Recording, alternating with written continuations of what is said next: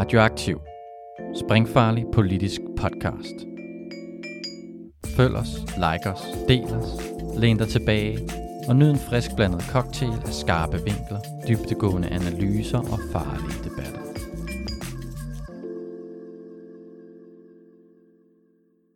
Velkommen til Radioaktiv.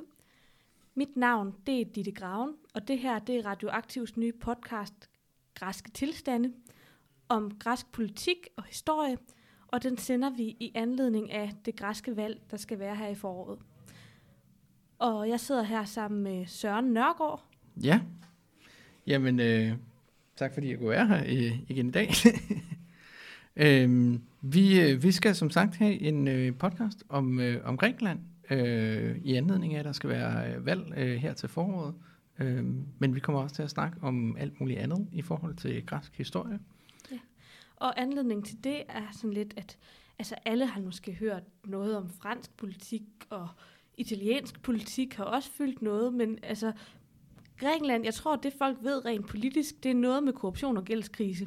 Og ellers så ved man, at det er et sted, der er en masse turisme, og det er noget med noget uso og noget retina, og måske nogle blæksprutteringe. Ja, men der er så meget andet at fortælle i forhold til Grækenland, øh, som er enormt øh, interessant for os som venstrefløj. Øh, alt fra øh, deres øh, eksperiment, øh, eksperimenter med, med, med, med folkemagt og, og direkte demokrati og, og rådstyre, til deres øh, politiske konflikter, til deres øh, meget anderledes sammenskruede økonomi, til en helt anden venstrefløj, hvor at Socialdemokratiet står meget svagt øh, i forhold til, til partierne til venstre for, øh, for dem. Øhm, der er rigtig, rigtig mange ting, der gør øh, Grækenland til et anderledes sted, og vi håber, at I også er interesseret i.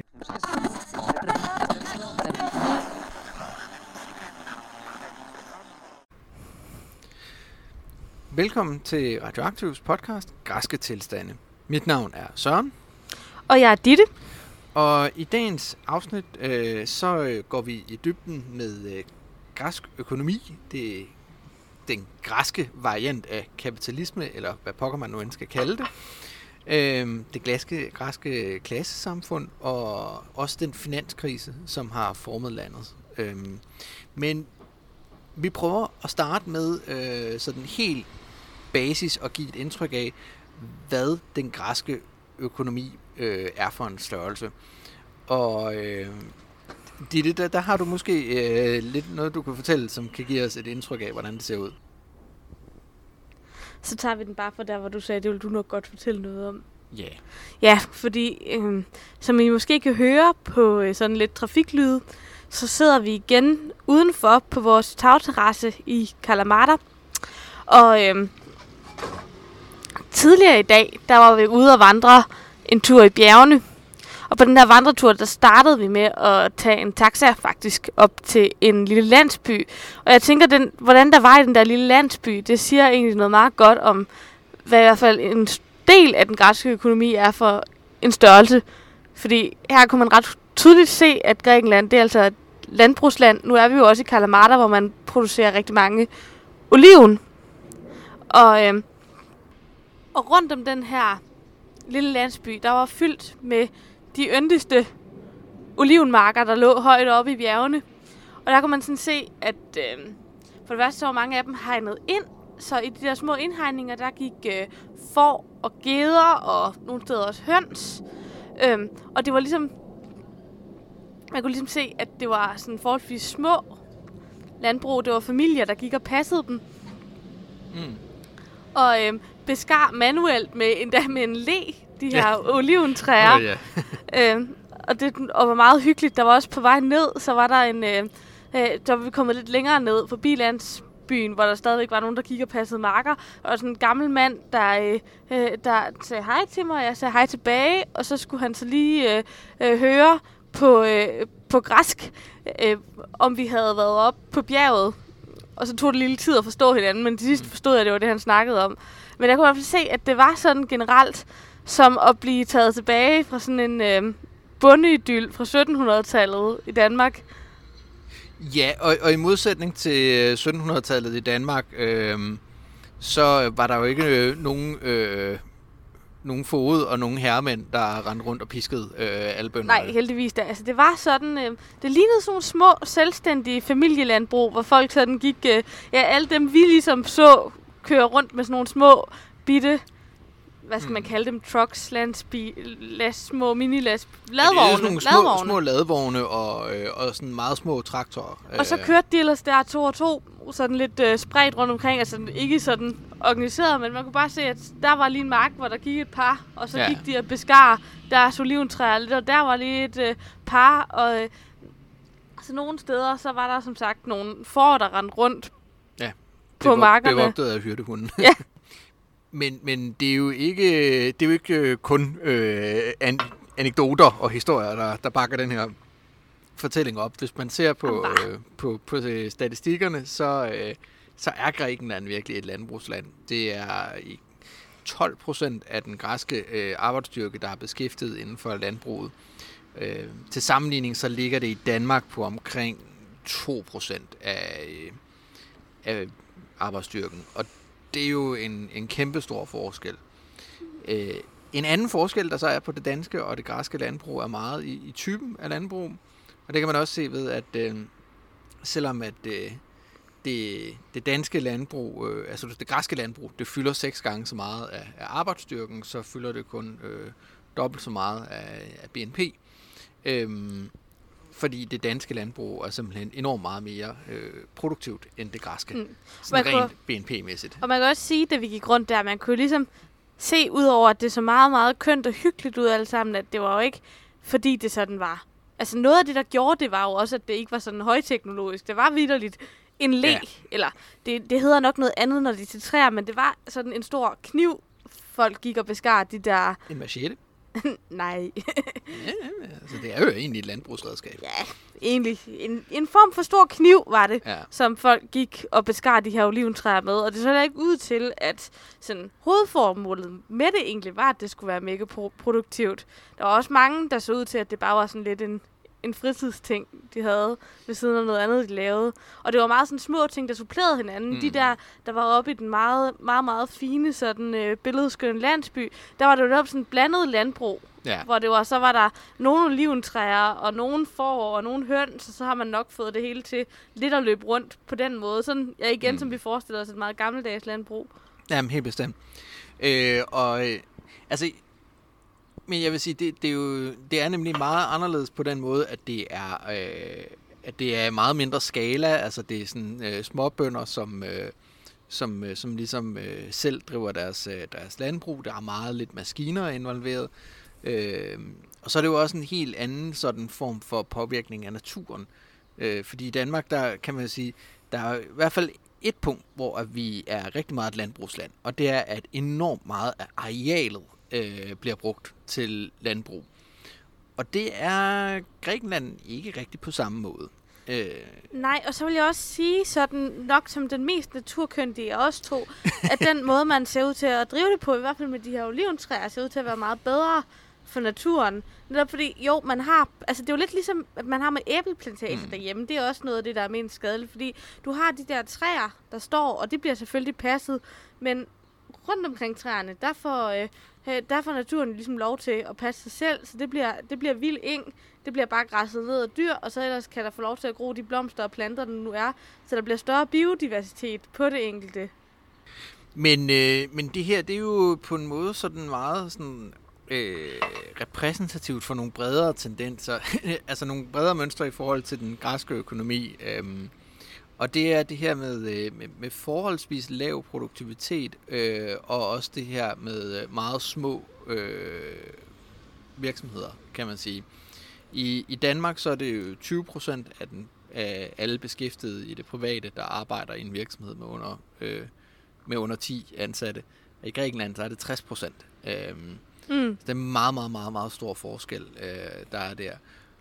Og det tror jeg også har nogle for, øh, ting at sige i forhold til, hvordan at, øh, at sådan, men hvilken klassestruktur man så også får ud af det. Helt klart. Og bare igen, for, fordi jeg er åbenbart er dem, der kommer, den, der kommer med hyggelige små historier.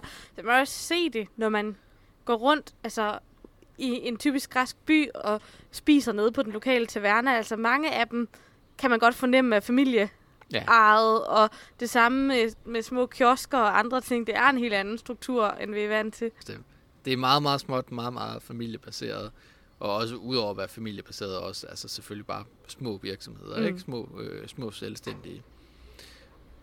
Og det betyder måske også, at, øh, at, at i det græske samfund og i græsk politik, så er øh, jeg kan sige, modsætningen mellem øh, sådan øh, kapital og, og lønmodtagere øh, fungerer på en noget anden måde, end den gør i Danmark. Ja, for du kan sige, at de her mennesker, vi mødte, eller vi mødte dem jo ikke som sådan, mm. men øh, vi lige sagde hej til oppe i, øh, i landsbyen, de, de, så, de så ikke sådan rige ud.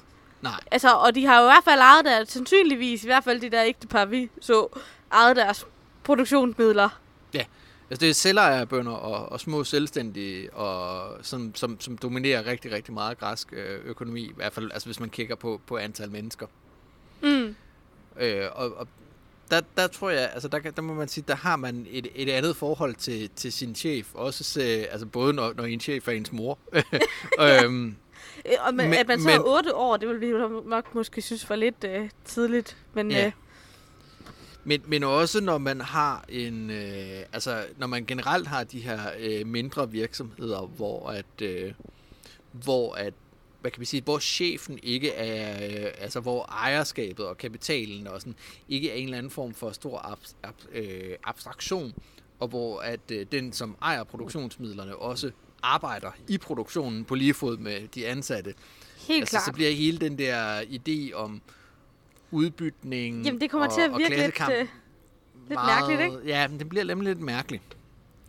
Øhm, Plus, at der er, vi kommer nok videre til det, når vi skal snakke om, øh, om korruption, som vi nok ikke kommer uden om ja. I et afsnit om økonomi i Grækenland. Men der bliver også lidt andet forhold til det der med at betale, betale skat, for eksempel. ja, det bliver der også, ja. Men meget sigende, øhm, så kan man sige, at der, hvor at de, øh, de første socialistiske øh, organisatorer ligesom får held øh, med at organisere sig i Grækenland, det er faktisk, når øh, det er i 20'erne, hvor at øh, landbrugsøkonomien øh, går over til at blive sådan en øh, god gammeldags kapitalistisk plantageøkonomi, hvor man begynder at lave en masse øh, tobaksplantager. Mm. Fordi så begynder man jo at have en, en produktionsrelation, hvor man har store virksomheder, som ejer store plantager, hvor der går en masse ufaglærte landarbejdere rundt øh, og, øh, og arbejder for en sulteløn, og ikke har nogen som helst relation til deres, øh, deres arbejdsgiver. Ja, jeg kan fortælle, at det især, altså det er jo i øh, den nordlige del af Grækenland i Makedonien. Ja, i Makedonien. I en provins, der hedder Makedonien. Ja, ikke, Ikke det- landet, der, der ikke må kalde, ikke landet Makedonien, Landet- der ikke landet- må kaldes landet Makedonien. Landet, der tidligere er kendt som den tidligere jugoslaviske republik Makedonien. Pyha.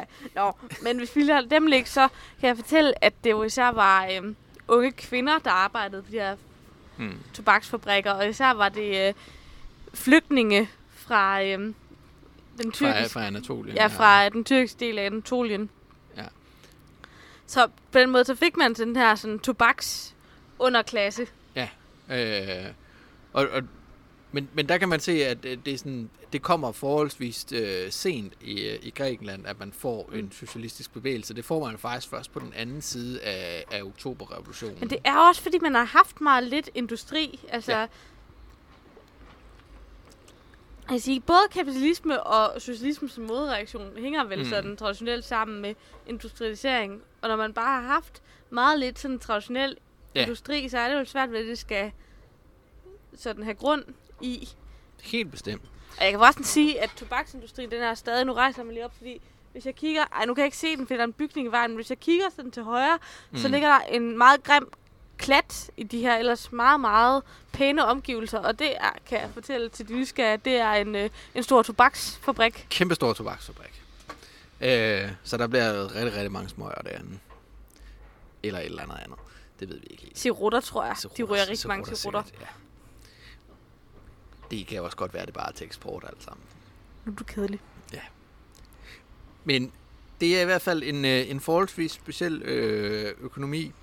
Øhm, en af udfordringerne her, altså hvis, hvis vi nu tager, øh, tager fat i, i nemlig, altså nu nævnte du også øh, selv det her med, med, med, med Marx, og der, mm. Altså, der er jo et eller andet med, at Grækenland på rigtig mange punkter afviger fra sådan den, den klassiske øh, marxistiske øh, men nu skal vi ikke øh, snakke alt for meget om... Øh, om nu bliver det lidt teoretisk. Om, om, nej, om partipolitik øh, og vælgeradfærd nu, fordi at det tænker jeg, at øh, vi har et helt afsnit om, øh, om partierne i Grækenland.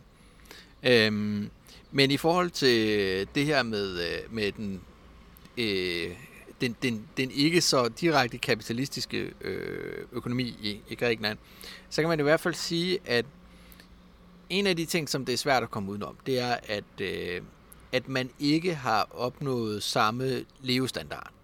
Øh, altså, man må sige, at Marx kunne, kunne meget godt påpege noget, som er, at jamen, det her med, med kapitalismen og, og sådan, øh, det som kapitalismen kunne, og som kapitalisterne som klasse kunne, det var, at de var helt utrolig smarte til at udvikle produktivkræfterne til nye højder. Mm. Fordi at det gav mening at investere i ny teknologi, nye produktionsmetoder, altid at optimere ting for at kunne fastholde deres profitter.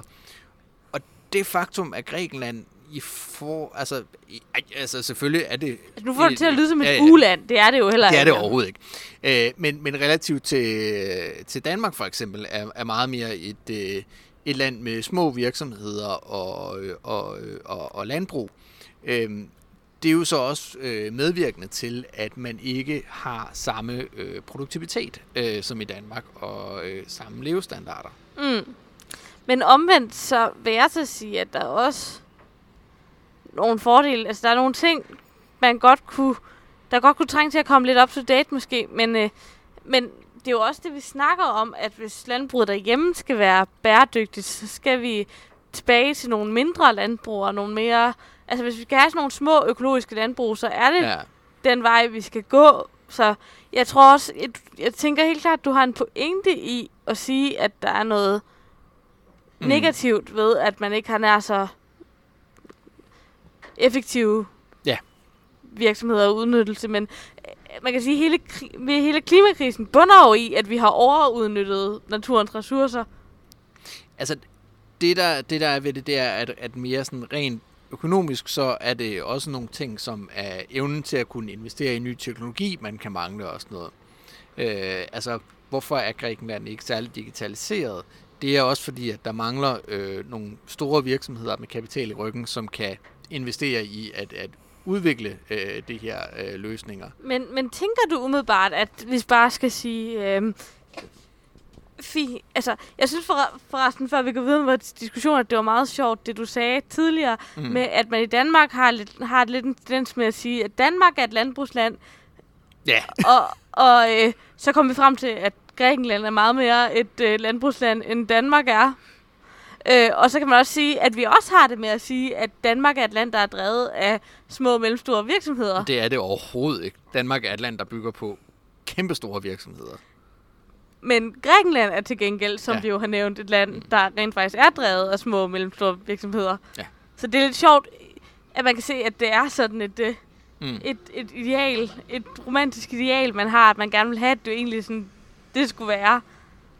Ja, og det, det er det så i Grækenland. Mm. Men så er den diskussion, vi allerede lidt har taget hul på, altså, er det så, er det så ønskværdigt? Er det egentlig det, vi gerne vil have, når det kommer til stykket? Ja, Altså, øh, fordi det er jo faktisk noget, som har været en diskussion, også i græsk politik, øh, den her med, hvorvidt at det er et problem, at man, har, øh, at man mangler øh, større virksomheder. Øh, øh, og Nea Demokratia var, altså den konservative regering var også ude med nogle udtalelser for nogle år siden omkring, at de synes det kunne være en god idé med nogle større virksomheder. Øh, og, og det blev de ikke sønderligt populære på. Nej. Øh, men der er jo nogle interessante ting i det her. Altså, nu sidder vi for eksempel i, øh, i Kalamata, øh, som jo er, øh, er, er øh, verdensberømt for sin olivenproduktion. Øh, men øh, Grækenland øh, har øh, går øh, glip af store mængder af, af sådan indtægter for, øh, for oliven, fordi at øh, man sender i høj grad sin oliven til Italien, øh, det er Syditalien, hvor at de bliver øh, forarbejdet til olivenolie øh, fordi at Græken, øh, Grækenland har simpelthen ikke øh, samme grad af, af sådan produktiv olivenindustri. Altså der er det sådan meget mere sådan små øh, olivenoliepresser, Øh, og det, det er simpelthen ikke konkurrencedygtigt. Altså derfor sætter man olivenene til Italien for Ja. at få dem presset, Sådan, og så kan det blive solgt som italiensk olivenolie, Ja. selvom øh, det faktisk er græsk oliven. Ja, eller, eller for den sags skyld, at det kan blive solgt som, øh, som Kalamata-olivenolie. Øh, men altså, grundlæggende set, så er det jo en udfordring for, for grækerne, det her med, at, at de der er vi virkelig ude i sådan en øh, altså sådan god øh, center-periferi øh, problematik her med, at man, man er sådan et semi-periferiland, hvor man leverer nogle, altså nogle produkter, som bliver forarbejdet højere op i værdikæden. Men jeg synes stadig, det er en interessant diskussion, altså, fordi jeg, jeg tænker vel umiddelbart, at vi er enige om, at vi skal ikke have Grækenland til at blive sådan et stort industrilandbrugsland på samme Mm. måde, som vi er i Danmark, også bare fordi, altså både fordi jeg i hvert fald vil mene, at hvis man skal have være et landbrugsland på en bæredygtig måde, så kan man ikke gøre det på Ja. den måde. Men, men også fordi, at altså, man kan bare kigge rundt, det, det, nu kommer jeg til at kigge væk fra mikrofonen, det, det landskab, der er, ligger jo bare heller ikke op til det. Overhovedet ikke. Altså, der er jo ikke grundlag for sådan en stor skala drift med udnyttelse af alting. Heldigvis da. Og, og jeg tror også måske, at landbruget er, er ikke nødvendigvis det smarteste sted at, at, at, at, at starte den diskussion. Det er mere, øh, der hvor den bliver mere interessant, det bliver sådan noget som, øh, hvorfor, at, øh, altså, hvorfor Grækenland ikke har øh, større øh, industrivirksomheder eller sådan noget i den retning. Øhm, eller hvorfor at der ikke er flere i altså den, den højproduktive servicesektor og sådan nogle ting og sager. Det, det er sådan noget, der er med til... Øh, jeg, jeg tror, det er mere der, jeg synes, den er interessant, end mm. Nødvendigvis øh, landbruget. Men jeg tænker, tænker du ikke også, at det kan noget med nogle af de der sådan mere små decentrale løsninger, man finder på ting? For eksempel gik vi og snakkede om tidligere i dag, øh, den løsning, folk har fundet på øh, el til opvarmning af vand, hvor man sådan har et lille solcellepanel per husstand, Ja. og så øh, og så sat en vandvarmer fast på det, og så opvarmer man sit vand på den måde, mm. frem, på, frem for at man derhjemme kan man jo også få installeret solceller, men så sælger man faktisk sin energi til et større elselskab. Mm. Jamen, jeg synes, det er en en enormt interessant diskussion, fordi på en måde, så synes jeg, vi, vi kommer ned i noget meget klassisk inden for venstrefløjen, som er den der, på den ene side, så øh, er vi, øh, altså kan vi jo se, at der er en masse problemer i kapitalismen, fordi at vi bliver fremmedgjort for, øh, for produktionen, øh, og, og, og alt bliver bare markedsgjort. Øh, Mm. og, og der tror jeg, at problemet for, altså der kan vi tit have det problem, at de mest øh, levende eksempler på, på noget, hvor at man bryder med det, øh, er sådan noget, som, som, hvor det godt kan virke sådan lidt som om, at det er sådan, og det er sådan et øh, lidt, lidt nostalgisk øh, bagudskuende på en eller anden måde. Øh, det, det plejer i hvert fald at være sådan den typiske det typiske sted, sådan en diskussion ender ikke. Altså, det, det er sådan... Er det ikke, er det ikke lidt, øh, lidt bagudskuende og lidt reaktionært at sige, at, øh, at, at så skal vi alle sammen rende rundt og arbejde i vores egen lille olivenlund? Øh, eller så bliver det meget, meget utopisk og sådan noget, hvor man Ja. tænker, at det kan jo ikke rigtig lade sig gøre i virkeligheden. Det er sådan et eller andet, så lever vi i et eller andet kollektivt samfund, hvor stolen bogstaveligt talt altid stråler smukt, og alle er venner, og, hmm. Og det har jo, ja, det har vi heller ikke rigtig, det har vi så ikke rigtig set nogen eksempler på i virkeligheden, så hvad, hvad gør man egentlig? Men jeg tænker også, det er måske en lidt større diskussion, vi skal begive os ud i lige Det her. tror jeg helt bestemt. Men, men jeg synes i hvert fald, at, øh, at, øh, at det er der, øh, et af de steder, hvor at jeg synes, Grækenland virkelig har noget interessant øh, at byde på øh, i forhold til nogle venstreorienterede diskussioner, fordi det netop også er en diskussion, som venstrefløjen på Grækenland, øh, i Grækenland øh, må forholde sig til den her. Øh, hvordan afvejer vi ønsket mm. mod at have en altså so- socialismen som den, den rationelle økonomi øh, for det fælles bedste, og hvordan, ser vi, og hvordan socialismen som frigørelsen for, øh, for fremmedgørelsen. Og de to ting kan nogle gange lidt komme i clash med Altså, hinanden. man kan jo sige, at øh, Sirisas løsning på det, et stykke hen ad vejen, i hvert fald ud fra ja, Spiros, som vi tidligere har nævnt, vi har snakket med fra Sirisa, Mm. øh, nævnte, er jo sådan lidt at sige, at øh, meget fokuserer på, at det handler om, at man skal have en effektiv stat og en effektiv offentlig sektor, og så snakker Ja. man egentlig ikke så meget om den private sektor. Nej. Men hvis vi prøver at kigge øh, lidt videre til den der stat. Øh, fordi hvis man kigger på... Nu har vi snakket meget om små virksomheder og sådan noget, og det, der er jo også øh, an- andet end små virksomheder i øh, Grækenland. Øh, men hvis man går ind og finder sådan en top 10 over øh, de største virksomheder i Grækenland, målt på øh, antal ansatte, så får man... Øh, at først og fremmest så får man selvfølgelig øh, supermarkedskæde. Hm. Øh, men, men derudover så får man øh, en masse øh, sådan, øh, banker, og så får man øh, en masse øh, halv- og helstatslige øh, virksomheder. Og, og det er jo sådan noget, som øh, man har... Øh, man har sit øh, elselskab, og man har sit postselskab, og flyselskab, øh, jernbaner og alle mulige sjove ting og sager. Øh, så i Grækenland, der har man faktisk nok i højere grad, end man har i Danmark stadigvæk, øh, på trods af den her tvangsprivatiseringsbølge under, øh, under finanskrisen, så har man stadigvæk ret stor statslig involvering i, øh, i økonomien, sådan direkte. Og det er jo også ret interessant. Altså, det er jo også noget af det, vi har set en del, mens vi har været nede, at en af de store emner har jo for eksempel været den her såkaldte påskehjælpepakke, Ja, som regeringen påskekurven. har... Påskekurven, ja. ja. Mere det, man tænker, når man hører påskekurv. Påskeæg, lam og sterinlys. Øhm, og det, og man tænker, hvad er det? Men jeg tænker, det kan du godt lige fortælle lidt om, fordi det er et meget godt eksempel på, hvordan Ja, øh, det, staten det, den kan... Jamen, det er jo grundlæggende fordi, at øh, som løsning på, øh, altså som et forsøg på at adressere inflation i Grækenland øh, inden for, for fødevare, øh, så begyndte man i, øh, i efteråret at lave en, øh, en, en, en frivilligt indgået obligatorisk priskontrolordning.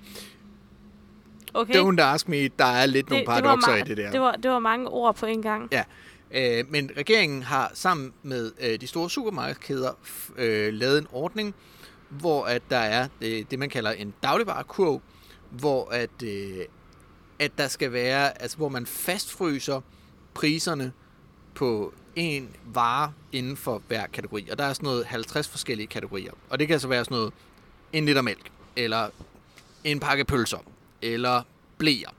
Og så siger man, nu fastfryser vi den her, og øh, så sidder den med et fint lille skilt nede i supermarkedet, som vi også var nede at se, øh, hvor der står, at det er en del af kurven. Og så kan man se, at den har ikke ændret pris siden oktober, fordi det må den ikke følge den her aftale. Så har man så udvidet den ordning øh, nu øh, op til påske, som jo er den største religiøse højtid Ja. i, i, i Grækenland. Det er Altså. ikke jul. Ja, altså grækernes påske, udover at den øh, ligger en uge senere end den øh, danske påske og påsken i øh, alle både protestantiske og katolske lande, øh, så er den også anderledes på den måde, at her er det altså også i virkeligheden det der med, at påsken er kirkens største højtaler, højtaler, højtid. Højtid. Øhm, der er det mere, hvad der vil svare til, til jul herhjemme. Ja. Altså, det er pynt i alle gaderne, og store optog, og børn får gaver, og hvad vi nu ellers forbinder. Ja, vi, vi, Med sidder, jul. vi, vi sidder her jo øh, i, øh, i ugen før påskeugen, og, og vi kan jo se, at der bliver øh, hængt øh, påskepynt op i gaderne, ligesom, altså ligesom vi kender med julepynt, øh, og, øh, og alt sådan noget. Og, der er og alle af- butikkerne kommer små røde påskeæg i Ja. deres øh, vinduer. Men det, man har gjort, det er, at man har udvidet den her øh, oprindelige øh, husholdningskurv, som man kalder den der øh, prisregulering, med nogle påskegoder. Og det er jo sådan noget som påskelam, men det er også noget som øh, påskelys. Ja, øh, og Man noget. har åbenbart, øh, jeg har researchet lidt på det, for jeg har set det mange steder, man har åbenbart sådan en tradition med at tænde sterinlys, som er øh, sådan ombundet med små fine silkebånd, og så pyntet Ja. på forskellige måder. Og de her lys, de er så også kommet i kurven. Ja, det er også blevet en underlagt priskontrol. Det er strategisk vigtige varer. Ja. Øhm, men det er i hvert fald et godt eksempel på, man gjorde jo det samme ved jul. Der var også julevarer, Ja. der blev lagt øh, ind og, og underlagt priskontrol øh, midlertidigt. Øh, så- altså man skal i virkeligheden tænke det som, hvis, øh, hvis at man var i Danmark, at, øh, at øh, man gik ind og, og lagde et prisloft på, øh, på, på andesteg og flæskesteg og brunede kartofler op til Men, jul. men Ikke? det vil, ja, Men, men det er svært at forestille sig ske i Danmark, er det Ja. ikke? Det synes jeg i hvert fald. Og, øh, og endnu mere, når man så tænker over, at det faktisk er en konservativ regering, der gør det. Ja, det kan jeg huske, vi sad og var sådan helt mystificeret over. Mm. Da, det ligesom, da vi ligesom fandt ud af, hvad det var, det var, mens vi stadigvæk var hjemme. Men det ja. tog os lige lidt tid. Og man kan sige, det er jo ikke ved, ved, ved, ved, ved lov og dekret, de har gjort det. Det er en aftale, de har indgået sammen med, med, med supermarkedskæderne. Øhm, og jeg synes, det er interessant at se, at noget af det kritik, man faktisk kunne se af den her ordning, det har netop været, at øh, det er med til øh, at, øh, at øh, drive kunderne over i øh, supermarkederne. Øhm, fordi at supermarkederne kan holde til, de har den, ligesom kapitalen i ryggen til, at de kan holde til at tage de her lavere priser, men de udkonkurrerer de små øh, uafhængige handlende og bønder, og der sælger deres ting på markedet og alle sådan nogle ting. Og det synes jeg godt nok er en meget, meget interessant take, øh, som jeg på ingen måde kunne... Altså, hvis vi forestillede os, at SVM-regeringen indførte priskontrol på øh, flæskesteg i morgen, så øh, vil jeg sige, at reaktionen med en venstrefløj, der står og siger, men tænk på de små uafhængige bønder, Mm.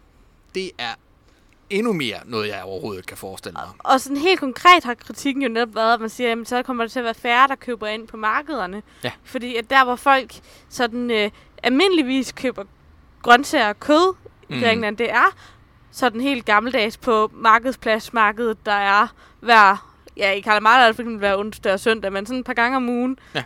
Fordi det er ikke traditionelt er det billigste. Ja, og, og i hvert fald øh, altid det bedste. Det er det bedste til prisen. Bedst til prisen. Men hvis prisen, det er... Øh, de, øh, priserne er så høje, så det er det vigtigste i sig selv, så, øh, så bliver det selvfølgelig afgørende. Vi øh, derimod skal gøre, det er, at nu skal vi i gang med at prøve at snakke lidt om korruption. Fordi, øh, både fordi det faktisk knytter sig rigtig meget til de her statsejede virksomheder og de store virksomheder. Men også fordi, at øh, vi har en lang podcast-serie omkring Grækenland, og det kommer man nok ikke udenom Nej, på et eller andet altså- tidspunkt, at vi bliver nødt til at prøve at gå lidt i dybden med det her med Og jeg korruption. tænker, især når man siger Grækenland og økonomi, så vil det nok være mange, der har korruption som første tanke. at Grækenland er et land, der er præget af rigtig meget korruption. Øhm, og det er også rigtigt, men også forkert, og det, det er meget kompliceret. Og vi sad lige og kiggede på det, før vi gik i luften, og vi sad generelt bare, eller jeg sad i hvert fald bare og blev grundlæggende meget forvirret omkring de ting, du kunne finde, Ja. som du fortalte mig. Fordi hvis jeg havde kigget på nogle øh, surveys omkring øh, folks oplevelser af korruption og sådan noget, øhm, og helt grundlæggende, så tror jeg, man kan sige, at i EU-regi, så er Grækenland nok i midten i forhold til korruption. Altså langt de fleste østeuropæiske op, øh, lande og Balkanlande er mere korrupte end Grækenland. Sagde du ikke også, at området Østrig lå højere end Grækenland? Ja, altså der er sådan et, øh, der, der var et interessant spørgsmål øh, i den her survey, som simpelthen bare var, øh, jamen, hvor mange, øh, hvor mange har oplevet inden for de sidste 12 måneder, at de skulle betale bestikkelse for at få en offentlig ydelse. Øh, eller tjeneste, ikke? Altså, og det kan være alt, altså det er sådan, det er velfærd og så videre, og det er kontanthjælp, og det er sundhed og alt muligt. Øhm, og EU-snittet er 7%, øh, har skulle betale bestikkelse for at, få, øh, for at få den velfærd, de har krav på inden for de sidste 12 måneder. I Grækenland der er det 9%. Men det er på niveau med Østrig, og det er faktisk lige lavere end Belgien.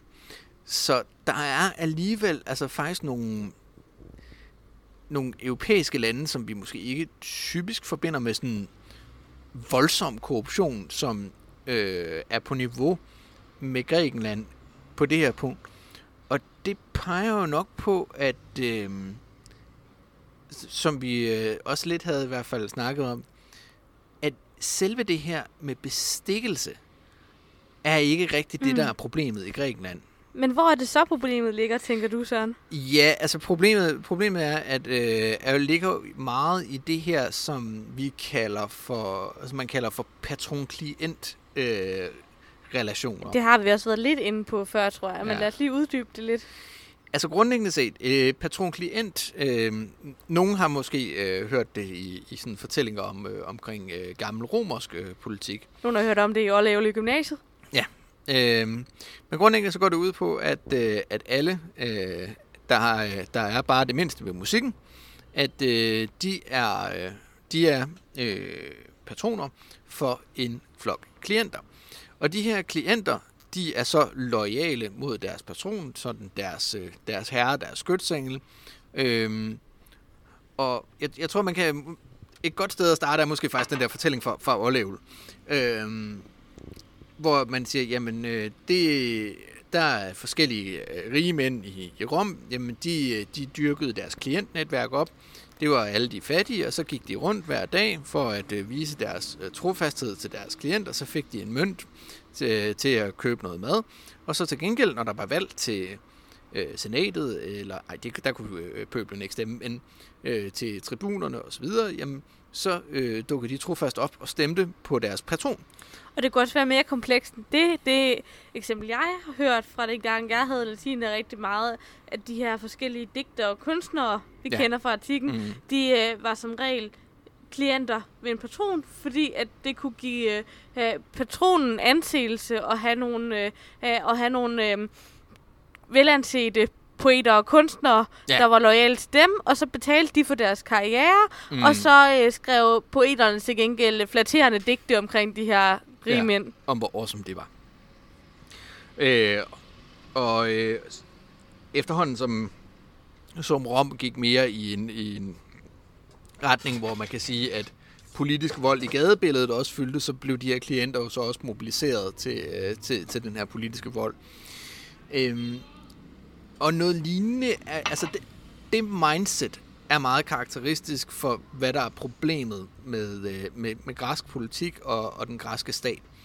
Og det er, at øh, det er meget, meget, meget præget af de her patron-klient-relationer, hvor man, øh, hvor at politikere øh, får øh, stemmer, øh, eller anden politisk opbakning for folk, til gengæld for, at de så yder et eller andet. Mm.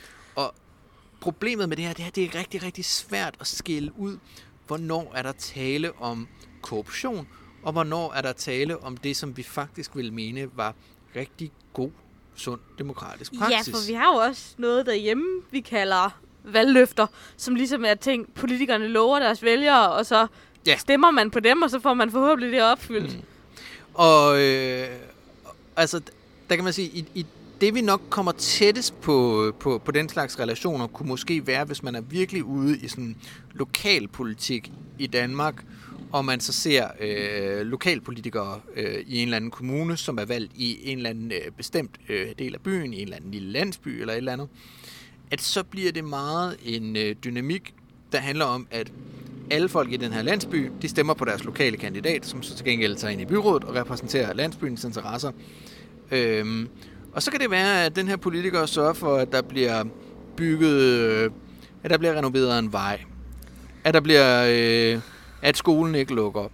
Men det kan også være, at han sørger for, at familien Hansen øh, måske lige får lidt hjælp til at få deres øh, byggetilladelsessag behandlet. Altså, og, og Men grænse, har vi reelt eksempler på det i Danmark? Det sidste?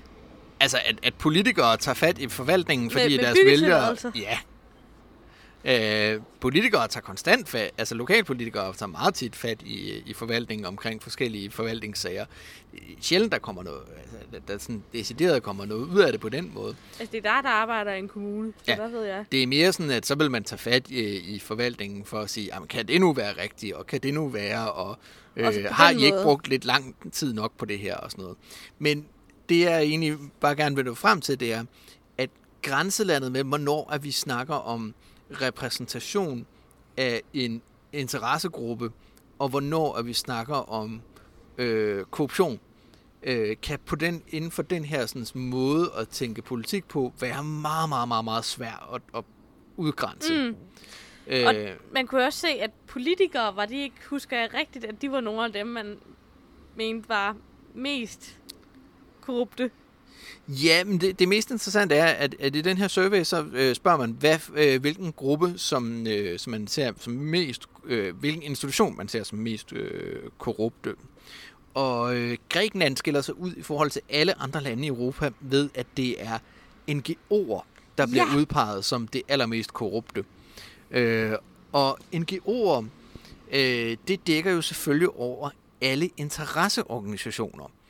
Og det betyder også øh, fagbevægelsen og øh, øh, Danmarks Naturfredningsforening og øh, Blindeforeningen. Ja, og, dem øh, stødte vi på. Ja, Også, øh, det var i går. Altså, de, de opførte sig som en fuck meget, meget aggressiv sælger. Ja, du troede først, at det faktisk var en blind tigger, fordi at der var en dame, der bare sådan blev ved med at gå efter os, der mm. bare sagde, for the blind, for the blind. Så ja. Det hun i virkeligheden ville, det var at give os en flyer med at melde os ind i støtteforeningen. Mm. for nogle blinde.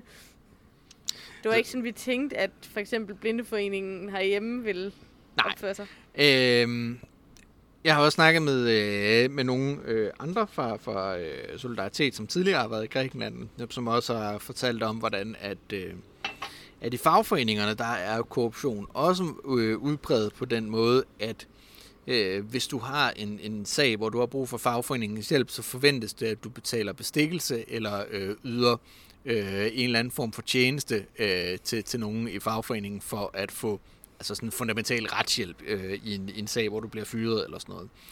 Øhm, og det er, øh, det er noget, der, der er øh, meget, øh, meget træls. Også fordi, at sådan... Øh, som, øh, som venstreorienteret, så er sådan noget med, med altså, øh, engagement i forskellige foreninger og sammenslutninger, mm. og noget, vi egentlig plejer at godt kunne lide, der især fagforeninger. Ja, helt bestemt. Øh, men meget af det, det bliver, øh, det bliver korrumperet. Et andet eksempel, når vi snakker om det her med patron-klient-relationer, det er øh, udpegninger til, det er netop de her øh, forskellige øh, statsejede virksomheder, og, øh, og for den sags skyld også øh, dele af den offentlige sektor. Øh, fordi der er så, øh, altså i Grækenland, der, der har man en, en tradition for, at, øh, at næsten alt er politisk udpeget. Øh, altså øh, embedsmænd i ministerier og sådan noget, det er næsten, næsten alt, hvor at, øh, at det kan ministeren bare gå ind og sige, jeg vil gerne have den her person til at være der i stedet for. Øh, det er næsten på niveau med USA. Det vidste jeg faktisk ikke. Og øh, det betyder, at når at en regering overtager, øh, altså når et parti overtager regeringsmagten, så bliver der udpeget øh, en med, så er der jo selvfølgelig nogle patroner, der kommer ind i form af nogle minister, Mm. som udpeger alle deres klienter til at sidde i Nå, ministeriet. ja. Og de kommer øh, ikke nødvendigvis til at være særlig kompetente til det, de laver. Ja, det kan jeg godt se. Og man kan sige, et konkret eksempel, vi så, hvor det rent faktisk blev nævnt, var her i vinters, da man havde øh, noget så øh, oprivende i Grækenland som sneby. Men øh, der, var, der, der faldt sne i Grækenland. i Ej, nu siger jeg en sneby, men der var faktisk sådan en dag eller to med 5 cm sne, og det er ikke særlig tit, man ser det i Grækenland. Og øh, det havde man også haft sidste år. Og dengang, der havde det været en øh, katastrofe, at øh, myndighederne havde været totalt uforberedte. Og det havde de jo været, fordi at de altså, blev anført af en masse øh, forholdsvis inkompetente mennesker, som var politisk øh, udpeget øh, af regeringen. Og øh, det havde de så lært af nu. Øh, Og så vil man igen, altså det var der i hvert fald en kommentar i den øh, store avis Katarimini, der, der pegede på, at, at så havde man ligesom vil vise politikerne som de gode... Af befolkningen. Ja, befolkningen. Om, øh, så, altså, som de gode embedsmænd, man var, vil man på, politisk, på politikernes vegne vise, at den fejl vil man i hvert fald ikke lave igen. Nej. Så, så det, man gjorde, det var, at man overkompenserede lidt. fuldstændig vanvittigt. Altså, der var også noget fraråd alt udgang i, øh, i Athen-området. Det var også noget, man... Øh, Og det var ikke bare udkørsel, det var udgang. udgang. Det var soldater, der kørte dør til dør med, øh, med fødevareforsyninger øh, og alt sådan noget. Og det var, altså, vi snakker 5 cm sne. Det, Øh, Skolelukninger og ja, alting. Øh, men det, det er et meget godt eksempel på, hvordan at, at man kan få det ødelagt af det. Og igen, det er sådan noget, hvor det er svært at sætte fingeren på, hvornår, skrid, altså, hvornår går du fra grænsen fra, at, at i et demokratisk system, jamen så er det selvfølgelig også i et eller andet omfang den demokratisk valgte regering, øh, der har en ret til at sætte en politisk retning og udpege nogle mennesker til at sætte en politisk retning for, for, for staten. Og hvornår er det korruption? Mm. Og- Ja, fordi du har for eksempel også tit snakket om, når vi sådan har diskuteret politik derhjemme, mm. øh, at øh, om hvorvidt det er en god eller dårlig ting, at vi ikke har politisk øh, udpeget embedsmænd i Danmark, i hvert fald til en vis grad. Ja, øh, og der kan man sige, at problemet med det er jo i høj grad, at du, du får udviklet sådan et klientelistisk system, hvor man, man udpeger en masse mennesker, som ikke nødvendigvis Mm. er, øh, er super kvalificeret til deres arbejde. Altså nu stiller jeg et meget stort og træls spørgsmål, men når man netop har korruption på den her måde, altså hvordan, øh, har du noget bud på, hvordan får man gjort op med det? Ingen idé. Okay, så lader vi bare det ligge. Ej, øh, man, man kan sige, en af årsagerne til, at, øh, at Syriza for eksempel havde så stor succes, det var jo i høj grad fordi, at øh, det var et, øh, et, et outsiderparti, som ligesom blev set som værende uden for, for det her. Øh, og, og med outsider her, så mener man rigtig meget uden for nogle øh, meget, meget veldefinerede, konkret eksisterende patron-klient-netværk. Så det man skal er måske i virkeligheden have nogle andre ind, hvor der ikke er de der netværk, hvor man har nogle folk, nogle helt konkrete folk, man ved sidder og venter på at få lige præcis den stilling, eller i hvert fald en stilling inden for det her område. Og Ja. Altså man kan sige, der, der er også mange i, i Grækenland, som, øh, altså, som snakker om, altså man har, man har fået den her øh, sådan, en, øh, en, sådan en slags statslig øh, ansættelsesmyndighed, som skal øh, foretage sådan øh, uvildig meritokratisk ansættelse til en masse Mm. øh, jobs og alt sådan noget. Øh, jeg ikke, ved ikke helt rigtigt, hvor succesrigt det er, øh, men altså, det, det er jo i hvert fald en af de ting, man gør. Men en af de ting, som den her korruption i hvert fald øh, bliver set som, som en af rådårsagerne til, øh, det er jo øh, det er jo finanskrisen. Ja, og finanskrisen, den tænker jeg heller ikke, vi kommer helt udenom at snakke om, fordi du sagde, at korruption nok var en af de første ting, man kom til at tænke på, når man snakkede om Grækenland og økonomi, men øh, i virkeligheden, så kunne det faktisk lige så godt være finanskrisen. Øh, og f- altså, jeg, jeg tænker, vi kommer ikke til at prøve at give det helt store overblik over, hvordan finanskrisen øh, udfoldede sig. Øh, men Det mere... kunne være et helt afsnit i sig Ja, selv. det ind, indtil flere næsten. Øh, men mere prøve at kigge på, hvad, hvad er det for nogle konsekvenser, det, det også har i dag. Øh, altså kort sagt, altså finanskrisen, altså som, gældskrisen, øh, som det blev i Grækenland, øh, var i høj grad forårsaget af, at man havde lånt en, øh, finansieret en masse offentlig forbrug for, for gæld øh, op igennem nullerne, øh, og havde skjult det i nogen grad. Øh, og da økonomien så vendte øh, efter, øh, efter krakket øh, med Lehman Brothers, øh, så begyndte der at være mere og mere interesse i, hvorvidt at de her øh, penge rent faktisk, øh, hvorvidt det her det rent faktisk var holdbart. Og øh, det her, det, øh, det er jo interessant at huske, at det her, det er jo i bund og grund en bankkrise. Mm. Fordi det der er problemet, det er, at, øh, at det er jo øh, store franske og tyske velrenommerede banker, som har lånt grækerne alle de her penge. Øh, og grundlæggende så er problemet det, at hvis man hvis de ikke kan få deres penge tilbage, Så har de et problem. så har de et rigtig, rigtig stort problem. Øh, fordi så ender de her store øh, franske og tyske banker med at krakke, og så har man lige pludselig en kæmpestor øh, økonomisk øh, krise i Europa, som bliver øh, altså det, det her det er banker, hvor at hvor vi virkelig er altså hvor at det er øh, lidt indiskutabelt at sige, at de i hvert fald ryger op i kategorien too big to fail. Altså det, det er simpelthen ikke muligt for den franske eller tyske økonomi at håndtere at sådan noget som Deutsche Bank øh, skulle gå øh, bankerot. bankerot. Nej. Så på den måde så når man så frem til, at, øh, at det, kan jo, det kan jo ikke lade sig gøre, at, øh, at de her banker går bankerot. Men i modsætning til i USA, hvor at man øh, laver den øh, lette og elegante løsning, bare at sige, at så optager centralbank, altså øh, the, the Fed, øh, optager bare deres, øh, deres gæld, øh, og så siger, at den, den køber vi bare. Det vil Frau øh, Merkel ikke være med til. Så ligger man... Nej, men altså det, det, det ville tyskerne ikke være med til, men problemet er også, at der står faktisk i, øhm, i, øh, i charteret for øh, den europæiske centralbank, at det må de ikke. Øh, så det er forbudt. Det er fy skamme, det må de slet ikke. Øh, så man har slet ikke den her mulighed for, at øh, centralbanken bare kan, kan overtage øh, dårlig gæld.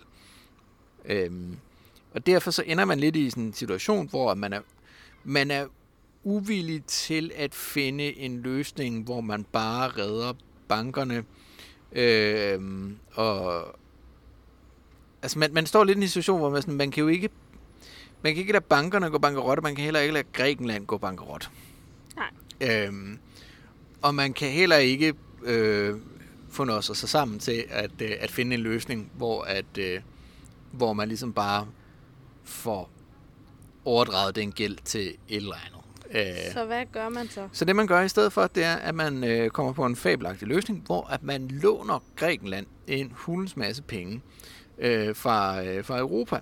Øh, så det er EU, og det er den internationale valutafond, og det er verdens, øh, og det er, hvad hedder det nu? Verdensbanken? Verdensbanken? Nej, det er det ikke. Det er EU, det er IMF, og det er Eurogruppen. Nej, det er Centralbanken. Det er vel heller ikke det vigtigste. Nej, det er, øh, men det er den øh, famøse trojka, øh, der består af den europæiske centralbank og øh, det EU-kommissionen og IMF, den internationale valutafond, som øh, låner Grækenland en øh, masse penge. Ja, og den der trojka, det var vel i virkeligheden det, den her lange forklaring skulle føre hen til. Hvad var det, de var Ja. for nogen, og hvad for en rolle kom de til at spille? Ja, og hvis jeg lige kan øh, få lov til at slutte af. De låner Grækenland en masse penge, som Grækenland så med det samme sender videre til bankerne. Øhm, så Grækenland øh, sidder så tilbage ligesom med sorte pære, øh, og skal så, skal så på en eller anden måde have øh, fundet ud af det med, øh, med, øh, med at betale de her penge tilbage til trojkaen. Mm. Og øh, den her trojka, de kommer så ind fra, fra dag 1 med nogle øh, aggressive krav omkring, øh, hvilke reformer, der skal øh, gennemføres i Grækenland, for at øh, gøre Grækenland mere øh, jeg kan sige, finansielt holdbart. Øhm, og det er, nogle, øh, det er jo nogle voldsomme ting, man går ind og, og laver her, øh, hvor man... Øh, altså, jeg tror, man er ude i sådan noget, at man reducerer mindstelønnen med, med 25 procent og sådan noget. Øh, og øh, man laver enormt mange nedskæringer i pensioner, den offentlige sektor, fjerner en masse øh, fagforeningsrettigheder osv. Øhm, og øh, lige lidt hjælper det. Altså Grækenland fortsætter jo bare med at blive mere og mere forgældet, fordi øh, man er i en kæmpe recession, øh, og, og det her, det gør det bare endnu værre.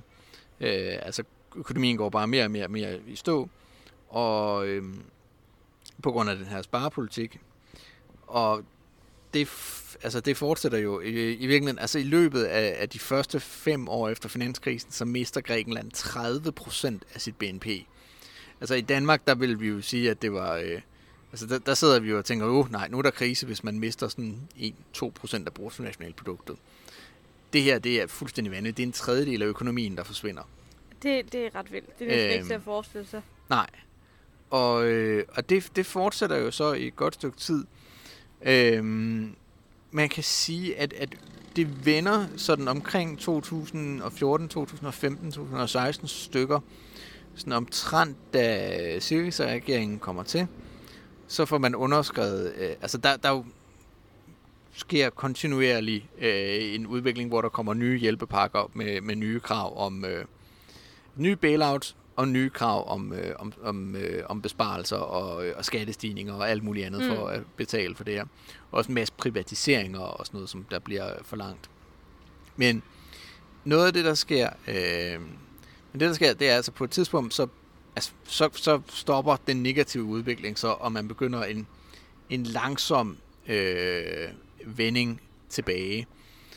Øhm, og det, det falder så sammen med, øh, med, at Syriza ligesom har overtaget regeringsmagten.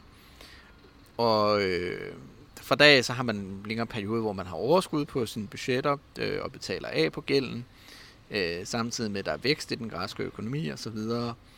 Øhm, og øh, det fortsætter sådan kort afbrudt af, af sådan coronanedlukningen. Øhm, men man kan sige, at, at i dag står man der, hvor at, øh, hvor at man øh, kun har mistet 20% af BNP i forhold Yay. til før finanskrisen. Men det er en øh, stadigvæk en voldsom, voldsom, voldsom øh, forringelse af, af levestandarder, man har. Øh, altså, levestandarden i Grækenland er, er simpelthen bare ikke på niveau med, hvad den var for, øh, for 20 år siden. Og hvis vi sådan lige skal øh, komme lidt tilbage til nutiden, hvad, hvad betyder det så for folk i dag? Jamen, altså, man, man lever jo stadig med mange af konsekvenserne øh, for dengang. Altså, øh, for eksempel som har vi den her, øh, den her togulykke, øh, den her katastrofe ved med Tempe. Ja, det er et rigtig godt eksempel. Med, øh, med den her ulykke, hvor der var øh, over 50 mennesker, der døde i... Og det skyldes jo grundlæggende, at man ikke har haft råd til på noget tidspunkt at øh, opgradere jernbanenettet øh, mellem, øh, altså jernbanen mellem Athen og Thessaloniki øh, til bare sådan helt fundamentale sikkerhedsstandarder. Ja, man kan sige, at man har nogle sikkerhedsstandarder, der er påkrævet af EU, og dem havde man sådan set installeret, men så havde man bare ikke råd til at vedligeholde dem, og så holdt man op, og så på et eller andet tidspunkt holdt de op med at, at virke, ja. kort fortalt. Så det, det grundlæggende, så, så det der sker, det er, at man har en offentlig sektor, som bærer enormt meget præg af, øh, af nogle meget, meget voldsomme besparelser over, over en længere periode. Mm. Og det tænker jeg, det kan, så kan vi egentlig, det kan egentlig føres lidt videre til vores sådan, afrundende emne, som er det her med, jeg kan man sige, den, den offentlige sektors rygte i Grækenland. Det har, det har aldrig været helt godt, både på grund af det med korruption, vi har snakket om, men jeg tænker, at finanskrisen heller ikke just gjort det bedre. Nej, og så, og så er der jo også bare det problem med, at altså, den offentlige sektor i, i Grækenland blev i høj grad set. Der har man stadigvæk indtil, indtil finanskrisen, har man jo stadig haft sådan et tjenestemandslignende system, hvor man bliver ansat øh, med, øh, med livslang pension, og, og det er næsten umuligt at blive fyret.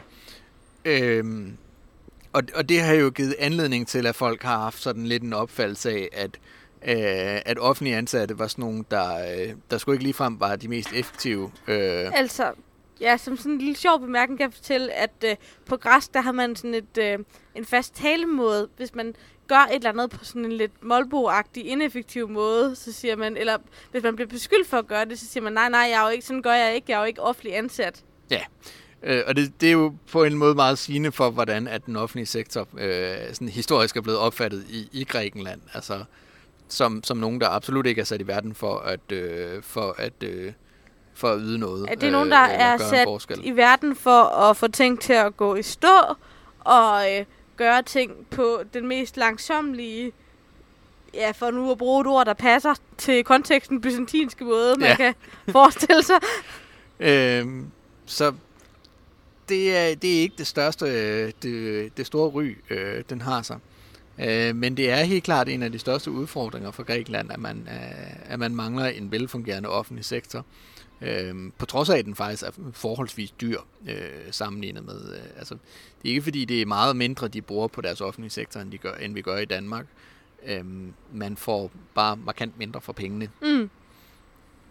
Og det er vel, altså, ja, det, det der... Øh patron-klient-system, vi snakkede om, betyder ja. vel noget, men det er vel også bare altså sådan en dårlig organisering, der er svær at gøre op med. Mm.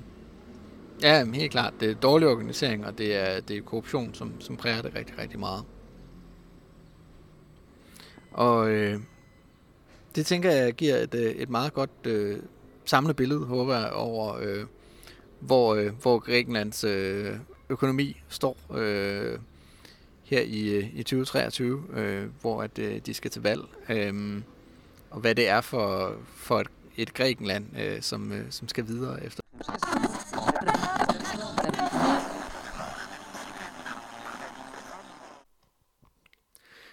Et par dage efter vi optog denne episode, var vi i Athen og lavede interviews. Her mødtes vi med Danai Kolsida, som er direktør for Nikos Polantzas Instituttet, en politisk økonomisk tænketank, som er tilknyttet Venstrefløjspartiet Syriza. Blandt de mange spørgsmål, så spurgte vi Danai om græsk økonomis særlige struktur og hvordan det påvirker græsk politik. Vi tænkte at øh, tilføje det korte klip her som et lille appendix til vores samtale, så I kan blive klogere på, hvad en græsk øh, økonom rent faktisk tænker om det her. Vi håber, I nyder det. The, the Greek economy is, is, structured a bit different from uh, more wealthy uh, Northern European economies. There's a lot of uh, of people who are independently employed, working for small employers. A lot of people work in farming. Um, how does this affect the politics of the country? Yes, you're you're right that uh, small and medium businesses, uh, the percentage of small and medium businesses in the Greek economy is much higher than uh, the average of Europe, especially Northern Europe. Uh, this means that salaried uh, employees and workers are a smaller percentage Yeah. of uh, the population, and especially they are not organized in, in large enterprises. They don't work for for for large um, businesses. They work for the I think uh, all the the vast majority of Greek businesses has from zero to four employees. Yeah. So this means, first of all, that uh, in terms of trade unionism, organizing uh, a labor, an effective labor movement is much more difficult. It takes uh, more effort and time to locate, to find all these people, to um, also their, let's say, their attitude towards labor, or towards Yeah. their employer is different because working in a family business uh, is much different also in terms of relations with the employer than working from a multinational company let's say Yeah, the, so the factory. the employer is typically also working uh, it's a himself. actually yeah, yes it's a, the employer is at the same time a co-worker yeah, and people seem to be much more understanding. For instance, I will also refer to the research of MPI I told you previously.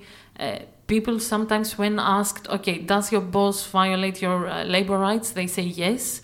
And when we ask them, so why don't you file a complaint? They say, because I recognize that he or she is doing the best uh, they can. So Yeah. it's a more close, humane uh, relation. And on the other hand, for in in terms of politics, uh, this also means that uh, political parties uh, have to address a more differentiated um, electoral Yeah. body, ele- a, more differentiated electorate. Uh, you can you never had we never had in Greece left wing parties uh, only addressing uh, the working class Yeah. because it, it is technically a the working part class of is the too small. Yeah, Uh, and even people who would technically uh, be described, I mean, with the criteria of uh, sociological and economical criteria, be described as working class, uh, when asked uh, where they feel they belong to, uh, most of them will, would respond middle class, middle strata, exactly because of the particularities of the structure of the Greek society and economy. Because even if I am a salaried worker, uh, my husband or my father or my mother has a business, a small business. So I'm also um, ideologically and symbolically invested also in small ownership, petty bourgeois, etc. So Yeah. uh, it is kind of complex. This means for parties that they have to address a wider social coalition, which involves also uh, small businessmen and self-employed people, because Yeah.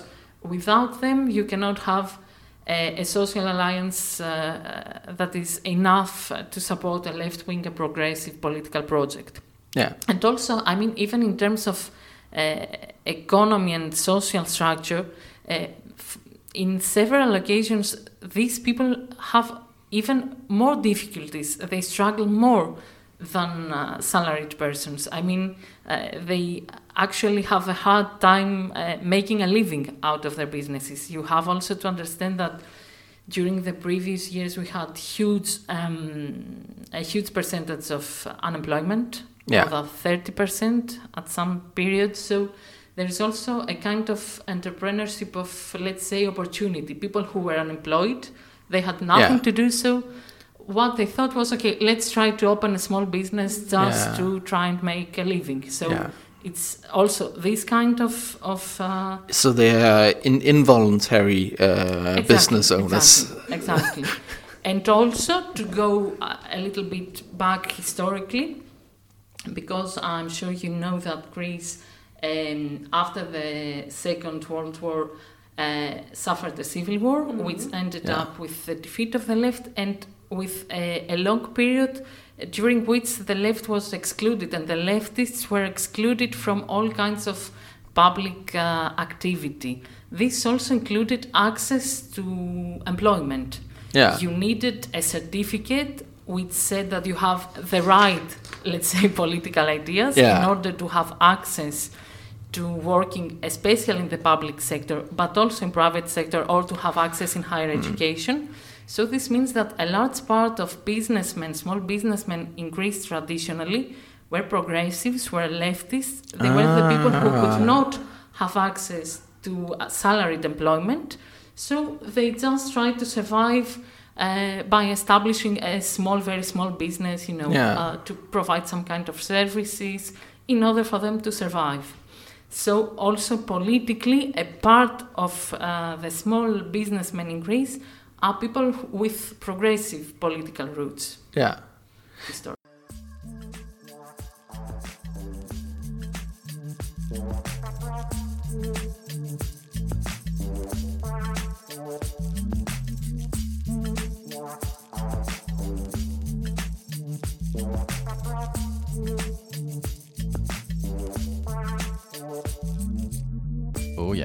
Inden du smutter, husk nu lige at følge Radioaktiv. Vi er på Facebook, Twitter, på SoundCloud eller i din podcast-app. En række af vores podcasts udkommer også som video på YouTube. Du må også gerne dele os med dine venner. Hvis du er ellevild, så kan du gå ind på solidaritet.dk og blive medlem af vores medie.